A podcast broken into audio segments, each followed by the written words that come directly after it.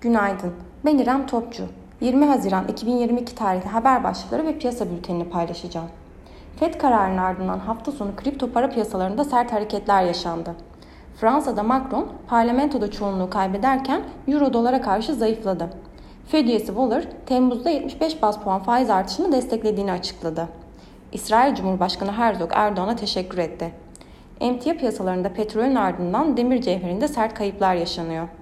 Piyasalara genel olarak bakacak olursak pay piyasalarında yurt dışı major borsalar ayı piyasasına girdiği için tepki yükselişleri oluşsa da bunun satış fırsatı olarak kullanılmaya devam edeceğini ve düşüş trendinin orta vadede devam edeceğini düşünüyoruz. Ancak iki haftalık sert düşüş sonrası major borsalarda hafta içinde tepki yükselişleri denemesi oluşması beklenmektedir.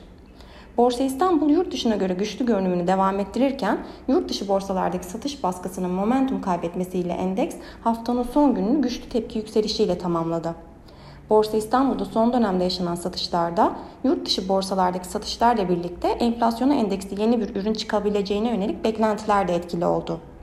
Bu konuda bir adım gelmemesi ve beklentilerin zayıf kalması sonrası endekste tepki yükselişinin güçlenerek devam etmesi beklenmektedir.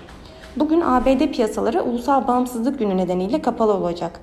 ABD ve Almanya vadelileri Borsa İstanbul'un cuma kapanışına göre pozitif seyrediyor. Asya borsaları yeni haftaya satıcılı bir eğilimle başladı.